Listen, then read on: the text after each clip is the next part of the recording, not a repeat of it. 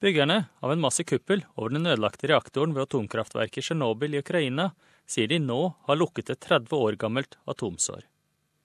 Kraftverket var i sentrum for verdens verste atomulykke noensinne i 1986. Men Ukrainas regjering har nå lovet at en nybygd kuppel til to milliarder dollar vil gi strålingssikkerhet for det neste århundret. Den har blitt hyllet som et ingeniørmessig mesterverk, som den største bevegelige bygning noensinne laget og publikum på den offisielle Tsjernobyl-seremonien var imponert.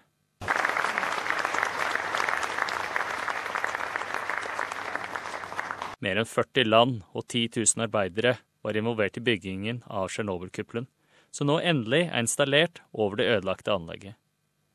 Ukrainas president Petro Porosjenko kunne knapt holde på sin begeistring. Today, the Nuclear Consortium guarantees 100 years of nuclear safety. A lot of people had doubts. A lot of them didn't believe in this. But congratulations. Yes, we did it. Yes, Den svenske lederen av Chernobyl Shelter Fund, tidligere våpeninspektør for FN, Hans Blix, fortalte publikum at smerte og kostnadene er der fortsatt 30 år etter ulykken. Men han sier helbredelsesprosessen har kommet en lang vei. Moving together the two halves of the huge arch and sliding the gigantic shelter into position over the destroyed reactor is like closing a wound, a nuclear wound that belongs to all of us. Let me express our admiration and appreciation to Novarka and all the other big corporations and enterprises, the hundreds of engineers and managers, and the thousands of workers in Ukraine and abroad who have designed and mounted this unique building that is behind me. 26. april 1986. En mislykket test på atomkraftverket i daværende Sovjetunionen sendte skyer av ulmende kjernefysisk materiale over store deler av Europa. 50 000 mennesker ble tvunget til å evakuere området, og et ukjent antall arbeidere som var involvert i opprydningen, ble forgiftet.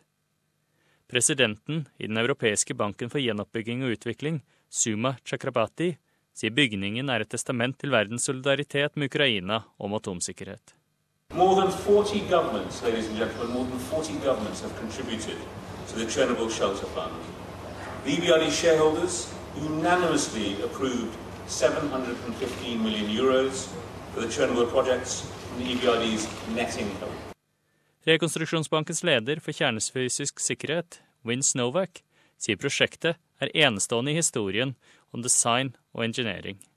It's one of the most important projects ever done. People in Ukraine, and not only Ukraine, across Europe and large part of the world, still remember the 1986 accident.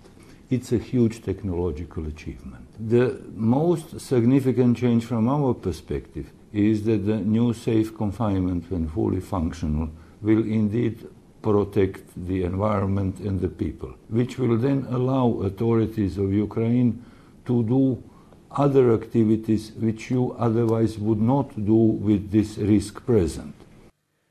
Den nye kuppelen, som har vært planlagt i mer enn seks år, erstatter en betongsarkofag som i hastverk ble bygget over reaktoren for å begrense den verste strålingen.